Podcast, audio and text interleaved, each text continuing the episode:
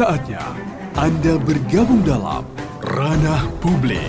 Ranah Publik. Suara Muslim Radio Network. Sampaikan opini Anda. Telepon 031 5624 555. WA 0855 3000 938. Live chat channel YouTube Suara Muslim TV. Dipersembahkan oleh suaramuslim.net.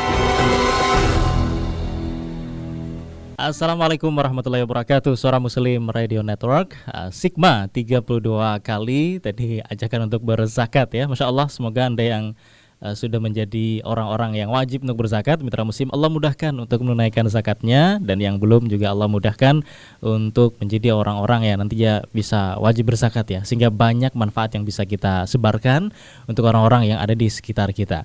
Dan Alhamdulillah saya Muhammad Nasir. Pagi hari ini di hari yang ke-21 di bulan September ya 14 Muharram 1443 Hijriah. Semoga kabar Anda adalah kabar yang terbaik pagi hari ini Mitra Musim. Yang hari ini Mitra Musim kita spesial. Tadi saya putarkan lagu tentang zakat karena kita akan ngobrol tentang uh, miladnya atau ulang tahunnya Forum Zakat yang tahun ini masuk di usia yang ke-24 ya. Tentu uh, Forum Zakat di usia yang 24 ya kalau kita ya 24 ya usia-usia mau nikah nih gitu. Tentu ada peran strategis jangka panjang yang semuanya harus diemban ya oleh Forum Zakat menyiapkan uh, negara kita ataupun juga gerakan zakat yang berkontribusi semakin panjang lagi ya setelah 24 tahun. Dan pagi hari ini saya akan mengajak Anda untuk diskusi bersama uh, Direktur Eksekutif Forum Zakat di sambungan telepon ada Mas Agus Budianto. Assalamualaikum. Waalaikumsalam Mas Nasir, gimana kabarnya? Alhamdulillah. Mitra Muslim semuanya semoga sehat selalu ya. Amin, amin. Oke, ini suaranya agak agak jauh. Pakai headset atau gimana nih?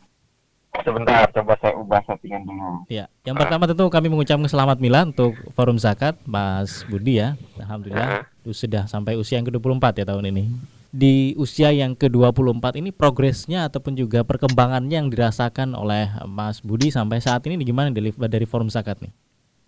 Ya, uh, terima kasih hmm. Mas Nasir dan mitra muslim sekalian. Apresiasi sekali kepada suara muslim ya yang sudah mensupport gerakan zakat dari kemarin yang terdekat terakhir itu di Munas di Kota Batu Jawa hmm. Timur ya alhamdulillah ya. itu atensinya luar biasa menjelang Munas kita siaran bareng dan itu rame yang nonton dan di grup-grup itu jadi perbincangan. Jadi uh, kalau bicara FOS, ini tentu saya ingin kembali mengulang Mas Nasir bahwa ya. FOS ini adalah asosiasi uh, lembaga zakat se-Indonesia. Jadi dia itu bukan lembaga zakat seperti Nurul Hayat, YDSF, LMI, Basnas gitu ya. Hmm. Dia berbeda, tapi kami adalah rumah besar dari lembaga-lembaga yang tadi saya sebutkan yang hari ini anggotanya ada 175 lembaga zakat di seluruh Indonesia. Nah, kemudian kemarin tanggal 19 kita uh, alhamdulillah pas banget milad di usia yang ke-24. Mm -hmm. Karena kalau usia 24 tadi Mas Nasir bilang itu uh, usia sudah mau nikah gitu ya atau usia produktif. Tapi saya hati-hati nih uh, memberikan label usia produktif karena yeah. impian kita forum zakat itu akan terus produktif sampai 100 tahun ke depan oh, gitu iya, meskipun iya. usianya nanti ratusan sudah tahun sangat ya. Mm-hmm. sudah sangat panjang gitu ya. Betul, nah, betul. apa yang menjadi pembeda dari uh, apa namanya capaian-capaian FOS di usia 24 tahun ini, Mas? Tentu ini sebuah ini ya uh, rentetan perjuangan dari para asabikunal awalun kita di gerakan zakat yang dulu memikirkan di tahun 97 itu para founding father kita hmm. memikirkan bagaimana caranya lembaga-lembaga zakat yang banyak bermunculan di Indonesia pada saat itu bisa memiliki standar pelayanan yang sama hmm. baik pelayanan kepada muzaki maupun pelayanan kepada mustahik kemudian memiliki standar pengelolaan yang sama baik pada aspek pengelolaan SDM-nya, pengelolaan keuangannya, asetnya, pelaporan dan segala macamnya. Akhirnya dibentuklah uh, Forum Zakat di tahun 97. Nah, hmm. hari ini uh, setelah 24 tahun alhamdulillah kita bisa merasakan bahwa uh, lembaga zakat itu semakin banyak di Indonesia dan yang uniknya dari gerakan zakat ini semakin banyak pemainnya yeah. dalam tanda kutip adalah lembaga zakatnya hmm. itu tidak saling mematikan satu sama lain Justru hmm. semuanya itu ketika manajemennya baik, semakin banyak lembaga zakat, penghimpunan lembaga zakat se-Indonesia itu terus tumbuh, Mas. Yeah. Itu uniknya uh, begitu gitu ya, karena ada value yang berbeda. Nah, hari ini di 24 tahun ini kita menandakan uh, gerakan zakat di Indonesia untuk kalau kita tuh punya istilahnya dari gubuk pinggiran ke ruang aksi negara, di mana gerakan-gerakan zakat dulu ngomongin pemberdayaan, ngomongin penghimpunan zakat itu dari pinggiran-pinggiran uh, warung kopi gitu ya, atau istilah kami itu gubuk pinggiran. Obrolan-obrolan kecil di masjid-masjid, di tempat-tempat warkop gitu, di kantor-kantor kecil. Nah, hari ini kita ingin mendorong gerakan zakat supaya dia dapat masuk ke ruang aksi negara. Dengan portofolio yang sudah dimiliki supaya bisa dicatat oleh negara yang berkontribusi pada agenda pengentasan kemiskinan di Indonesia. Kira-kira begitu hmm, Mas okay. Nasir untuk awalan. Iya, Uh, cuman menarik tadi semakin banyak lembaganya ini tidak saling mematikan tapi justru menambah ya potensi iya. ataupun juga zakat yang bisa dihimpun oleh lembaga-lembaga zakat yang ada. Artinya semakin banyak semakin bersyukur ini kalau begitu forum zakat ya. Iya betul mas. Jadi kalau dilihat dari grafik keanggotaan kita hmm. di 2018 anggota kita tuh 30. Tapi kemudian di tahun 2021 ini eksponen ya meningkat ke 175 hmm. dan ini masih ada 200-an uh, yayasan atau lembaga zakat skala kabupaten kota yang belum tersentuh oleh FOS untuk menjadi anggota FOS. Ini hmm. luar biasa. Apalagi kalau kita bicara potensi ya, potensinya kan 327 triliun di Indonesia. Hmm. Sementara realisasinya hari ini baru di angka 10 sampai 12 triliun. Itu artinya masih besar sekali gapnya, hmm. masih ada 96 persen lagi. Dan itu nggak bisa dikelola oleh satu, dua, tiga atau 175 lembaga, tapi dia harus dikelola bersama-sama hmm. oleh masyarakat da dari inisiatif-inisiatif kebaikan gerakan zakat dari masyarakat. Gitu. Jadi itu barangkali ya. Hmm, hmm. Ya, intinya kalau saya memahaminya ini mitra musim ya, semakin banyak lembaga zakat maka akan semakin banyak uh, zakat yang terhimpun, terkumpulkan dan terdistribusikan dengan baik begitu. Uh, Mas uh, Budi ya dan juga kalau dilihat tadi ada banyak lembaga-lembaga uh, zakat yang belum tersentuh ini permasalahannya karena belum berinteraksi dengan mereka atau ada persyaratan yang tidak dipenuhi atau bagaimana? Oh iya kan kalau gabung ke anggota FOS itu selama dia mengelola zakat tuh dia bisa uh, bergabung ya meskipun dia dari misalkan yang kecil-kecil kayak uh, misalnya ada komunitas gitu ya. Nah hmm. ini permasalahan 200-an yang belum belum bergabung ini cuma masalah kurang ngopi aja mas. Kaminya kurang, kurang silaturahim, kurang ya? silaturahim ke mereka gitu ya. Iya, nah ini iya. terus kita lakukan insya Allah. Baik dan semoga dengan siaran di pagi hari ini juga mungkin ada lembaga-lembaga zakat yang belum bergabung ini bisa bisa ngopi bareng nanti dengan betul, betul. zakat sehingga menjadi bagian dari rumah besar lembaga zakat ini. Baik dan kalau kita lihat tadi juga yang menarik adalah uh, mendorong ya dari gubuk pinggiran ke ruang-ruang aksi negara dan itu sudah kita lihat nih Mas Budi ya dari kontribusi-kontribusi lembaga zakat di berbagai daerah di Indonesia itu sudah berkolaborasi dengan ada kabupaten kota, bahkan di Jawa Timur dengan provinsi, dengan gubernur, uh, mungkin tingkat nasional juga gitu ya. Artinya orang semakin familiar dengan lembaga-lembaga zakat. Betul, ya. Alhamdulillah Mas, ikhtiar kita. Mm -mm. Ya, lembaga-lembaga zakat LAS ini kemudian berkolaborasi dengan uh, pemerintah di berbagai jenjangnya itu tentu meningkatkan trust dari masyarakat dan orang pun semakin semakin mudah ataupun semakin ikhlas tanda kutip gitu ya untuk menyampaikan harta zakatnya melalui lembaga-lembaga zakat. Begitu, Mas Budi.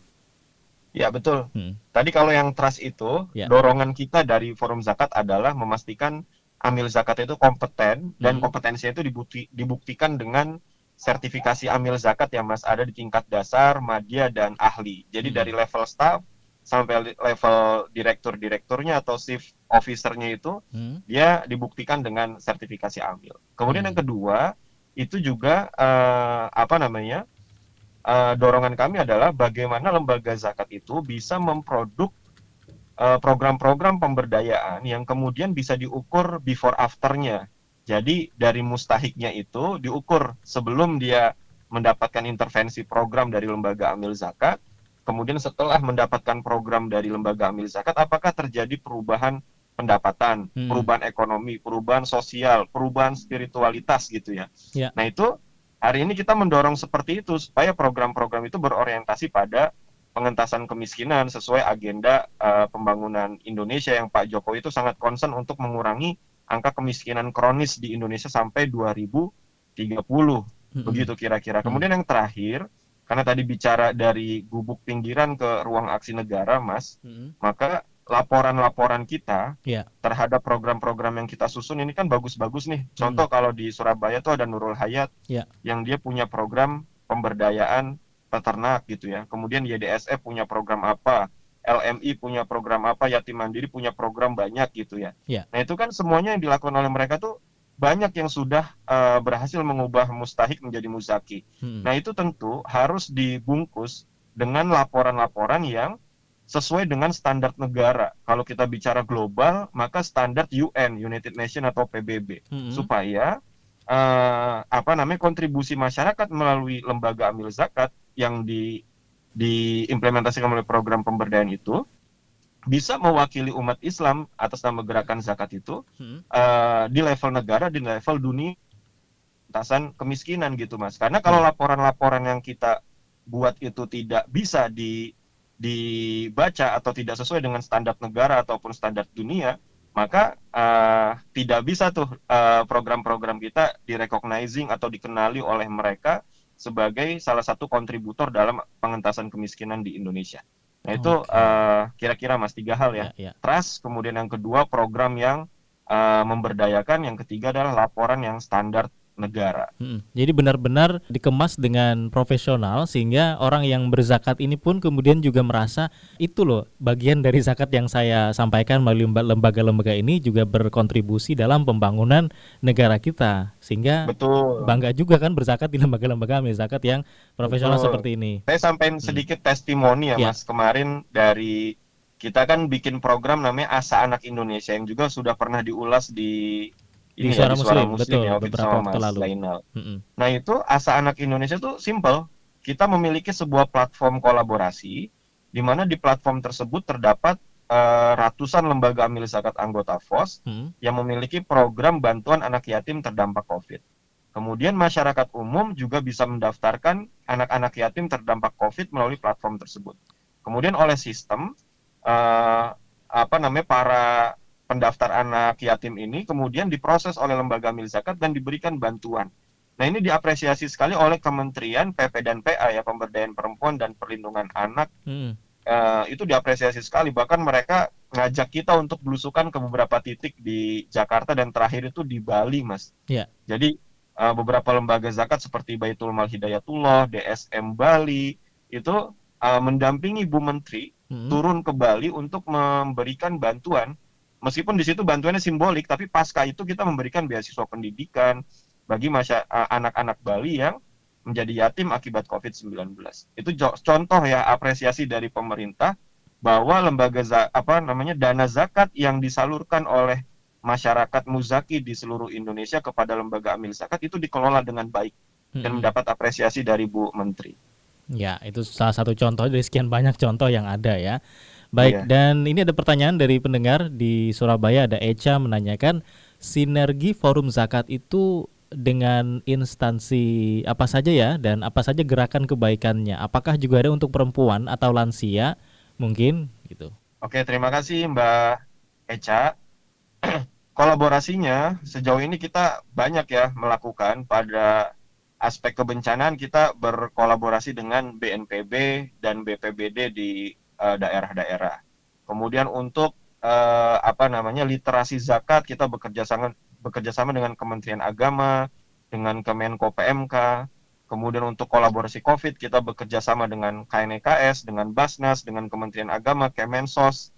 Kemudian untuk yang anak yatim kita juga bekerja sama dengan uh, apa namanya tadi Kementerian PP dan PA dan Kemensos. Kemudian uh, yang kita concern juga kita kerjasama dengan Bappenas ya untuk memastikan program-program lembaga zakat itu relate dan berkontribusi dalam pengentasan kemiskinan di Indonesia. Nah hmm. kalau untuk lansia dan tadi perempuan kita ada juga uh, programnya, cuman memang kolaborasi yang uh, apa namanya secara khusus untuk perempuan dan apa namanya lansia, lansia itu hmm. belum kita lakukan. Tapi secara organik lembaga-lembaga kita banyak yang memiliki program tersebut. Dan Hmm. sedikit lagi Mas Nasir, Ya.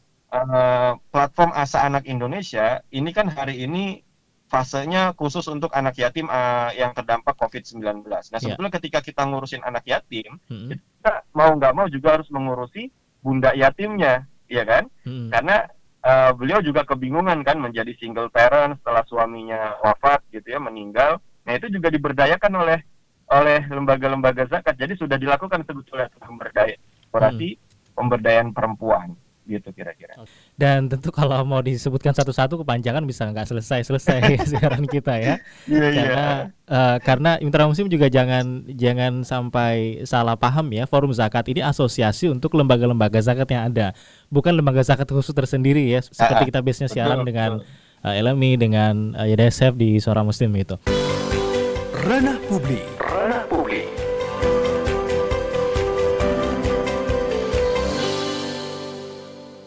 Ini juga dalam rangkaian milad yang ke-24 Forum Zakat ada eh, Zakat Innovation Week. Ini apa nih Mas Budini maksudnya? Oh iya betul. Jadi eh, sesuai tema kita di Milad ke-24 ini adalah Zakat Innovation for Inclusive Development gitu Mas. Mhm. Jadi eh, salah satu misinya Forum Zakat adalah melahirkan gagasan-gagasan baru yang applicable di lapangan dalam hal pengelolaan zakat ya baik fundraising, kemudian penyaluran pemberdayaan masyarakat untuk pembangunan yang inklusif. Jadi pembangunan inklusif ini artinya kita ber- bisa berkolaborasi dengan pihak-pihak lain dalam rangka membantu Indonesia mengentaskan kemiskinan. Nah, karena tadi ada kata kunci zakat innovation, Hmm. nah kita membuat satu event atau kegiatan selama seminggu itu namanya Zakat Innovation Week. Oke. Jadi di dalam Zakat Innovation Week ini setiap hari nanti kita akan melakukan dalam tanda kutip ekspos dan pembedahan program-program pemberdayaan yang sudah dilakukan oleh lembaga-lembaga anggota FOS. Hmm. Nah, jadi nanti misalkan ada lembaga dompet duafa yang dia punya program peternakan yang terintegrasi gitu ya, Hmm. yang sudah berhasil mengubah mus- mustahik menjadi Muzaki. muzaki. Iya.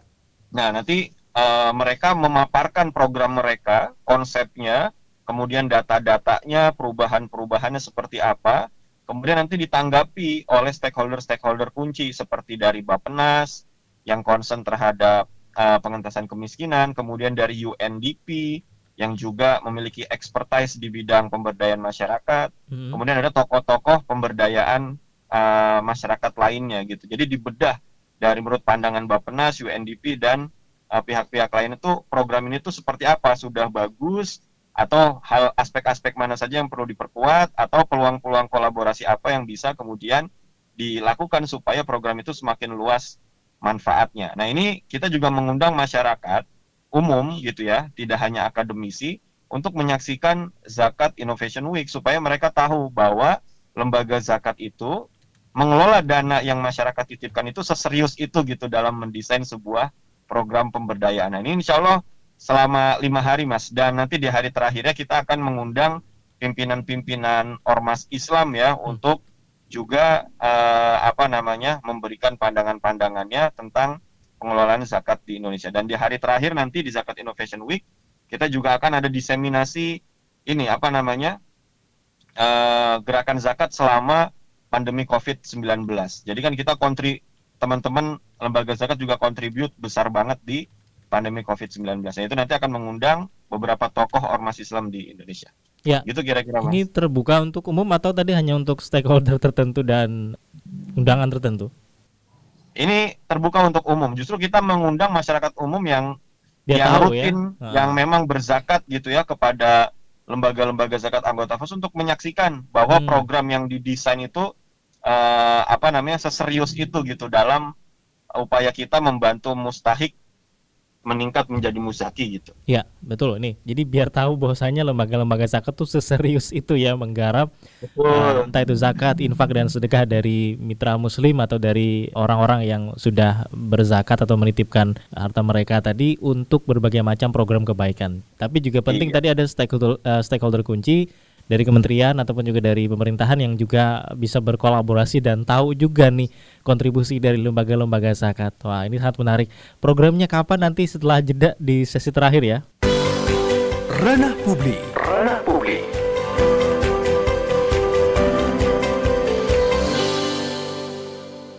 Ini ada beberapa apresiasi dari Silakan, Mas. pendengar di WhatsApp saya bacakan. Yang pertama Pak Abdillah di Tulung Agung. Assalamualaikum, keren banget visi misi forum organisasi zakat ini. Semoga selalu abadi keberadaannya dan berlangsung secara dinamis di setiap perubahan zaman. Nah, Amin. terima kasih Terima Pak kasih, Abdillah. Pak.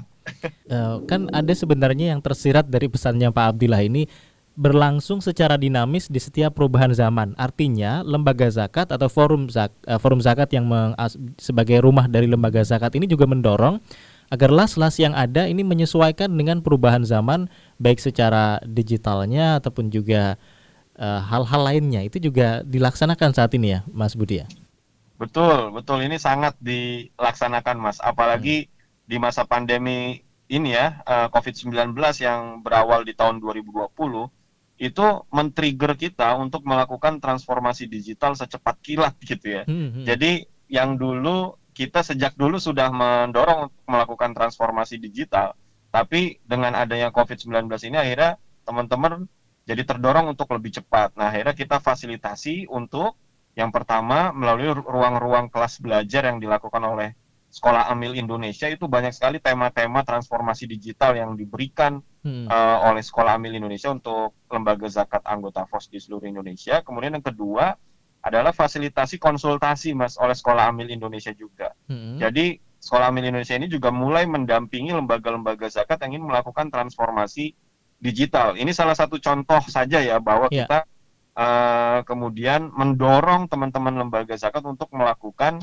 adaptasi dengan perkembangan zaman. Hmm. Gitu kira-kira. Baik. Dan itu tentu mitra muslim memudahkan ya eh, kita orang-orang yang ingin berzakat, sedekah dan juga infak dengan perkembangan teknologi yang ada. Baik, Betul. tadi di Zakat Innovation Week ini kan di antaranya adalah ekspos dari bermacam berbagai macam program pemberdayaan pendayagunaan zakat yang sudah dilakukan oleh lembaga-lembaga eh, amil zakat yang ada di forum zakat itu eh, tadi saya dapat bocoran juga nih salah satu yang lumayan jadi highlight itu adalah program sanitasi yang berhubungan dengan apa ini kamar mandi WC ya Mm-mm. Nah, gimana Betul, nih betul. ceritanya nih Oh ini, ya kalau program sanitasi ini Hmm. dipunggawai oleh lembaga amil zakat Harapan Duafa atau Harfa yang ada di Serang, Banten, Mas. Hmm. Jadi dia ada, dia levelnya lembaga zakat level provinsi di Banten. Jadi Oke. memang dia punya masterpiece programnya itu adalah eh, sanitasi berbasis komunitas. Jadi yang mereka lakukan ketika mau mengubah orang-orang di desa-desa di Pandeglang, Banten yang biasanya buang air besar sembarangan, mau mereka ubah jadi buang air besar pada tempatnya, itu bukan dengan memberikan uang dan kemudian membangun membangun toilet-toilet di rumah-rumah warga di sana, bukan seperti itu. Hmm. Karena kalau pakai logikanya adalah membangun fasilitas, Ya. sementara mindsetnya tidak diubah itu jadi nggak nggak- kepake, terbengkalai. Seringkali bantuan-bantuan seperti itu kemudian diloakan gitu ya, Ah, ditukar betul betul eh, bahan makanan lainnya dijual gitu ya, nggak kepake jadi kandang ayam gitu misalkan. Nah, yang dilakukan lembaga amil lembaga amil zakat Harfa ini di Pandeglang adalah mengubah mindsetnya dulu tuh mengubah mindsetnya, mereka melakukan dekonstruksi terhadap mindset lama, kemudian menge- mengkonstruksi ulang mindset baru. Hmm. Setelah mereka memiliki kesadaran bahwa buang air besar itu harus pada tempatnya, maka mereka didorong untuk patungan tuh.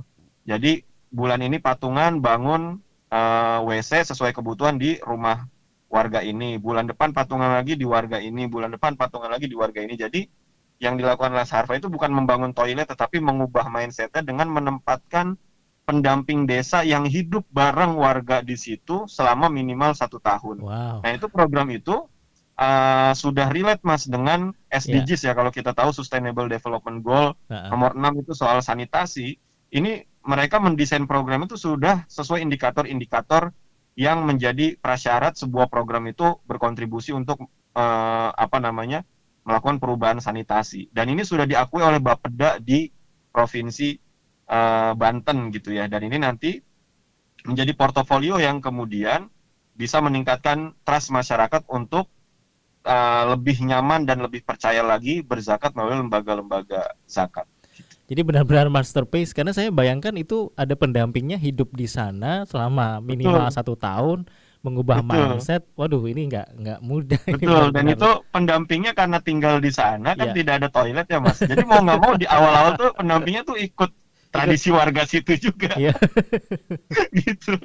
Dan pendampingnya itu tuh usia-usia muda, usia-usia fresh graduate mahasiswa ya, Iya, iya. Eh, 21, 22, 23 gitu yang dia siap untuk tinggal di situ minimal satu tahun itu luar biasa sekali itu. Dan itu Hmm. selain dapat apresiasi dari Pemprov Banten, ini juga dapat apresiasi dari ini apa namanya pemerintah Australia ya. Ya. Jadi ada Australian Aid yang dia memang uh, dekat sekali dengan lembaga milik zakat harfa ini bahwa ada nih satu lembaga yang apa namanya levelnya provinsi tapi melakukan program yang sangat keren gitu, Hmm, hmm, hmm. berbeda dengan yang lain. Baik, tapi tentu Betul. setiap setiap lembaga zakat punya masterpiece masing-masing dan itu disampaikan Banyak. nanti di Zakat Innovation Week tadi. Yang kapan Ya, ini akan dilaksanakannya, Mas Budi? Ya itu insya Allah akan dilaksanakan di tanggal 28 sampai puncaknya di 2 Oktober 2021 ya. Programnya apa saja yang mau dibedah nanti kita informasikan lebih lanjut. Oke. Jadi insya Allah kita akan launching uh, publikasinya itu di hari Kamis pekan ini insya Allah Mas melalui kanal Instagram Heeh. @forum zakat ya. Oke. Kanal Instagram @forum zakat dan Hmm. nanti uh, coba kita tag ke Instagramnya Suara Muslim biar tampil Oh, juga di siap. Instagramnya Suara Muslim. Baik, jadi Mitra Muslim tadi untuk Zakat Innovation Week-nya bisa Anda ikuti di 28 September sampai 2 Oktober insya Allah. Dan informasi eh, lengkapnya bisa dilihat di Instagramnya @forumzakat. Gitu. Betul. Baik, Mas Ya, Budi terima kasih sudah berbagi pagi hari ini. Nggak terasa satu jam diskusi kita. Semoga Sama-sama, tadi seperti yang doa-doa dari Mitra Muslim ya bisa terus memberikan manfaat bukan hanya di usia yang puluhan bahkan mungkin ratusan tahun gitu ya. Karena ini kan Iya. zakat ya seumur agama kita ada ya zakat pasti bakal ada gitu. Siap, Cuman ya- betul, betul, betul. Oke, Insya Allah semoga sehat selalu Mas Budi. Assalamualaikum. Baik. Terima kasih Mas Nasir Ya. dan teman-teman semua. Assalamualaikum warahmatullahi wabarakatuh. Waalaikumsalam warahmatullahi wabarakatuh. Demikian Mitra Muslim Direktur Eksekutif Forum Zakat Agus Budianto dan terima kasih untuk kebersamaan Anda, Produser Eksekutif Praga Satria, Gatekeeper Elsa Herunisa, Pengenteri Alat Siar di Suara Muslim Lumajang, Kiki Rizkyani di Suara Muslim Tuban Mahfud Manaf, Anwar Fuadi di Samara FM Tulung Agung dan saya Muhammad Nasir pamit dari ruang dengar Anda. Subhanakallahumma bihamdika asyhadu an la ilaha illa anta astaghfiruka wa atubu ilaik. Maha suci engkau ya Allah dan segala puji bagimu. Kami bersaksi tiada Tuhan yang berhak diibadahi selain engkau. Kami mohon ampun dan bertaubat kepadamu. Assalamualaikum warahmatullahi wabarakatuh.